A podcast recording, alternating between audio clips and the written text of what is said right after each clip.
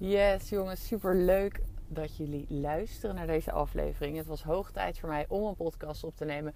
Ik heb het al een tijdje beloofd, want ik er via Instagram super veel vragen over heb gekregen.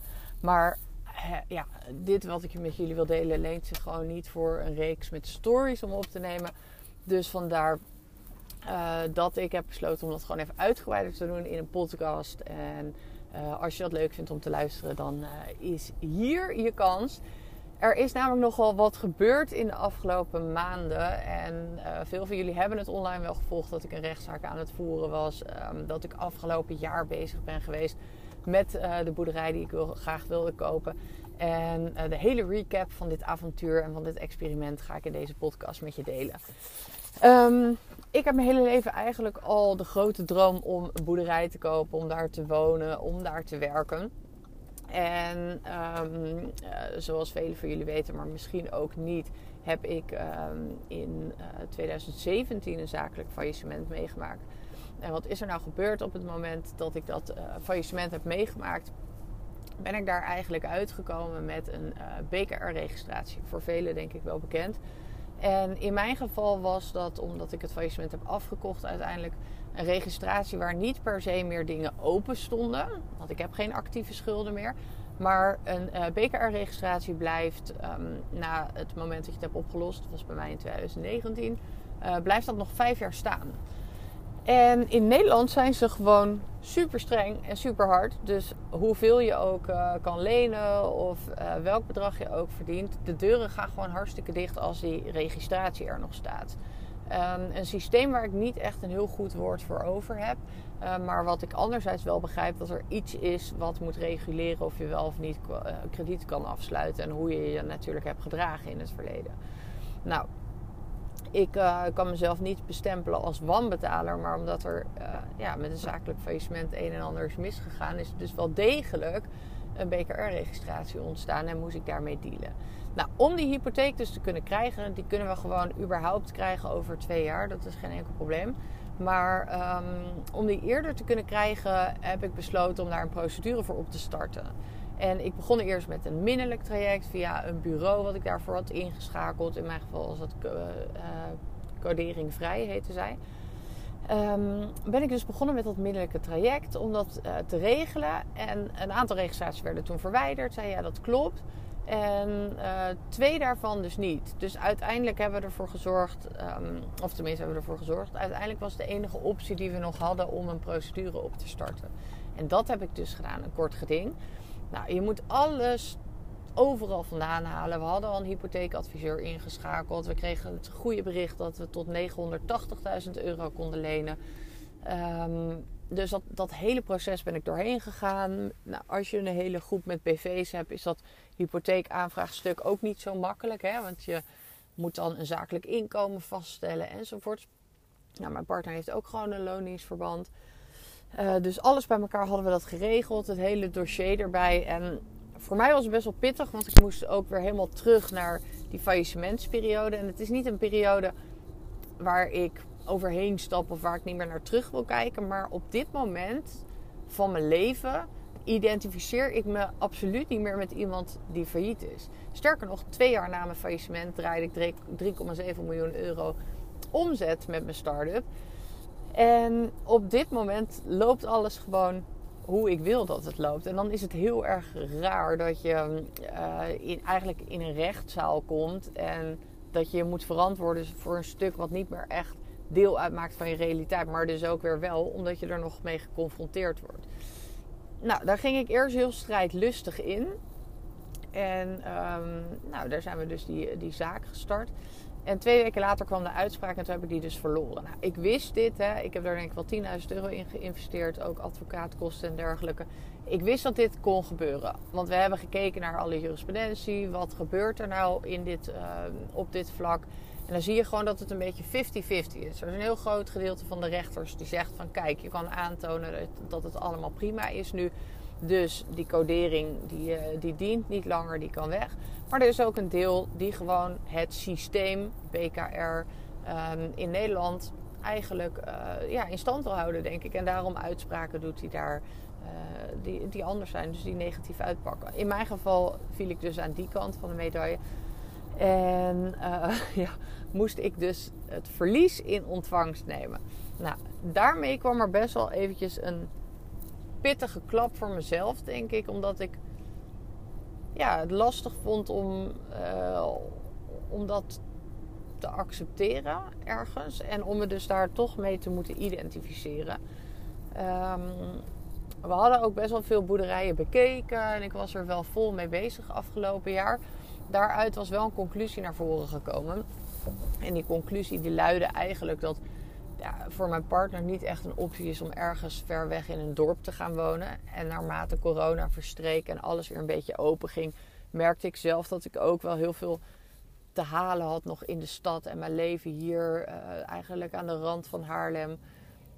Dat ik dacht van ja, weet je, het is ook wel gewoon heel erg leuk om gewoon makkelijk met vrienden af te kunnen spreken. En voor de kinderen dat er wat leven is en dat soort zaken. Dus gaandeweg hadden we wel de wens ontwikkeld om onze huidige woning, die we eigenlijk al twee jaar huren, om die uh, te kunnen kopen. En nou ja, die konden wij kopen voor een, uh, een goed bedrag. En uh, ook makkelijk financieren als de BKR er niet zou zijn. En um, ja, we dachten van dat is eigenlijk een mooie tussenstap om deze woning te kopen. Dan blijft alles even hetzelfde voor de kinderen. We moesten er ook in mei, dus eigenlijk deze maand ook uit. Omdat hij het sowieso te koop wilde zetten. Hè? Dus anders ging er wel veel veranderen. Ook met uh, nieuwe huurwoning zoeken en dat soort zaken. Um, dus we dachten dat is wel een goede optie. Dan uh, hebben we in principe voor een goede prijs een goede woning. Kunnen we vanuit hier doorsparen. Want ik had gekeken hier in de regio, denk ik dat je rond de 1,3 miljoen wel, ja, als je een beetje landelijk wil wonen, maar toch aan de stad wel kwijt bent. Dus dan zouden we, dacht ik, misschien door kunnen sparen en gewoon vanuit rust verder kunnen bouwen aan de, aan de droom die ik dan verder heb op het gebied van wonen. En, uh, maar ja, de tijd tikte door en we verloren natuurlijk het, uh, het kort geding. En toen dacht ik wel even, ja shit, wat nu? Um, toen ben ik gaan nadenken: wat kan ik nog doen om dit eigenlijk tot een goed einde te, te brengen? En over het algemeen tik ik best wel goed in crisissituaties. Kan ik scherp denken, krijg ik ook wel mooie inzichten. Nu had ik dus ook een inzicht en ik dacht van ja, fuck it. Ik ga gewoon heel bij de hand de eigenaar laten weten. Dit is hoe het werkt. Over uh, twee jaar kunnen we het in principe sowieso financieren. Maar uh, kan ik misschien al nu gewoon een groot deel uh, cash betalen of aanbetalen. En uh, dan vervolgens de overdracht uh, voor het restant laten plaatsvinden over twee jaar. En ik dacht, nou, hij gaat hier nooit mee akkoord. De woningmarkt is perfect. Hij kan gewoon nog veel meer geld krijgen dan dit. Dat was het gevoel wat ik erover had. Uh, maar ik ga toch dat bericht sturen. En het wonder was dat hij mij terugberichtte dat hij daarvoor open stond. En dat we daarover in gesprek konden gaan. Nou, dus zo gezegd, zo gedaan. Hebben we calls ingepland, ook met notaris, alles erop en eraan. En zijn we daar dus uitgekomen, waar ik nog steeds super verrast over ben. En echt van denk, huh? Want in een paar weken tijd is er zoveel gebeurd. En ik werd alle kanten op geslingerd. Van oké, dit kunnen we lenen. We gaan een boerderij kopen. Tot oké, je hebt verloren. Je kan helemaal niks meer. Tot uh, we willen dit huis kopen. We willen niet weg. Tot we moeten weg over een paar weken. Uh, dan moeten we iets geregeld hebben tot een paar weken later. Het moment is dat we gewoon onze huidige woning alsnog gekocht hebben. En ja, dan zit er gewoon veel eigen geld nu in. En ja, het is een wat andere constructie. Maar, uh, en over de restant betalen we een wat hogere rente dan gebruikelijk is. Uh, dan moet je denken aan zo'n 5%. Uh, dus dat is hoger dan gebruikelijk is bij de bank. Maar dan hebben we wel gewoon nu ons huis en een deel afbetaald. En zitten we veel gunstiger dan dat we in deze regio nog uh, twee jaar zouden huren. Dus ik ben daar onderaan de streep eigenlijk ontzettend dankbaar voor en heel blij mee.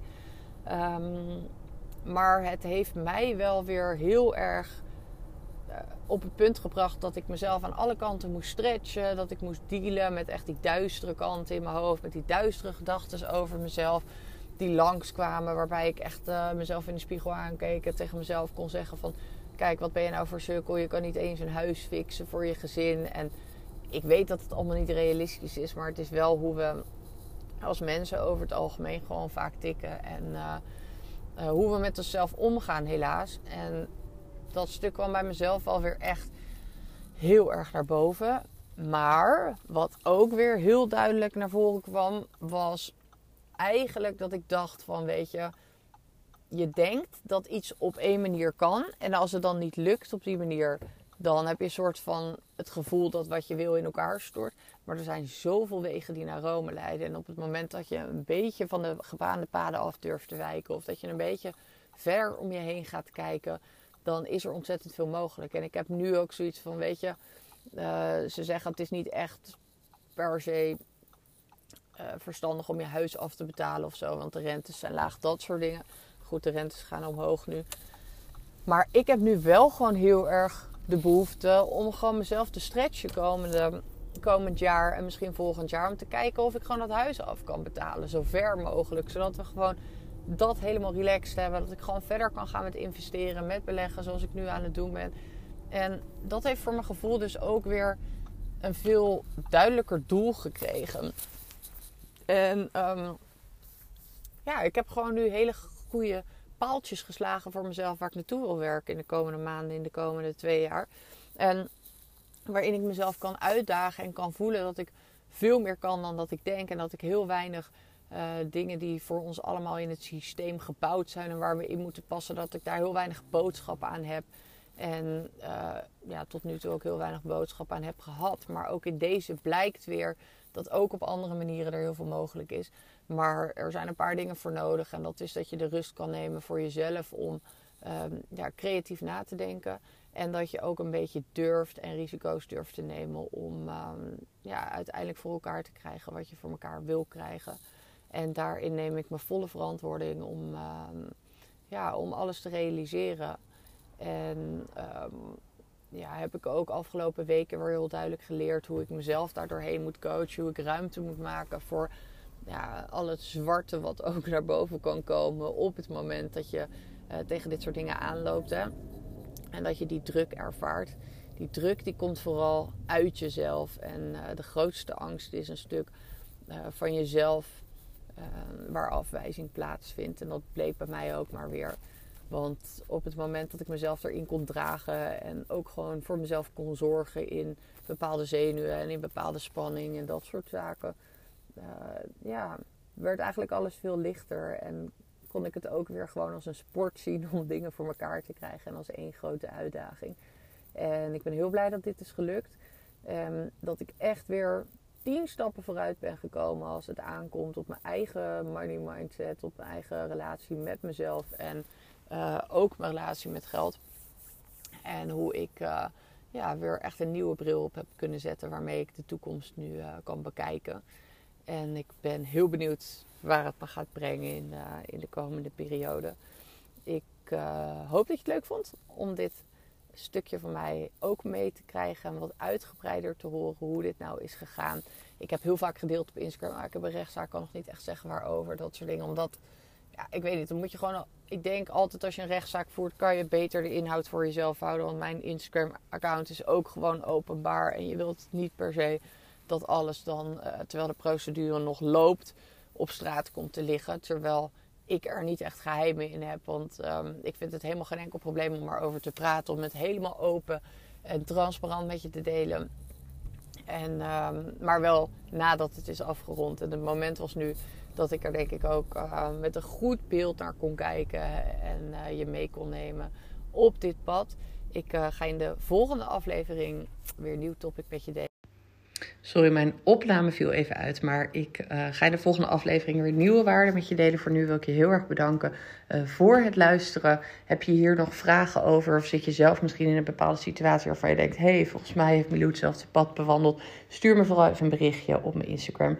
Dan uh, kletsen we daarover verder. Dankjewel.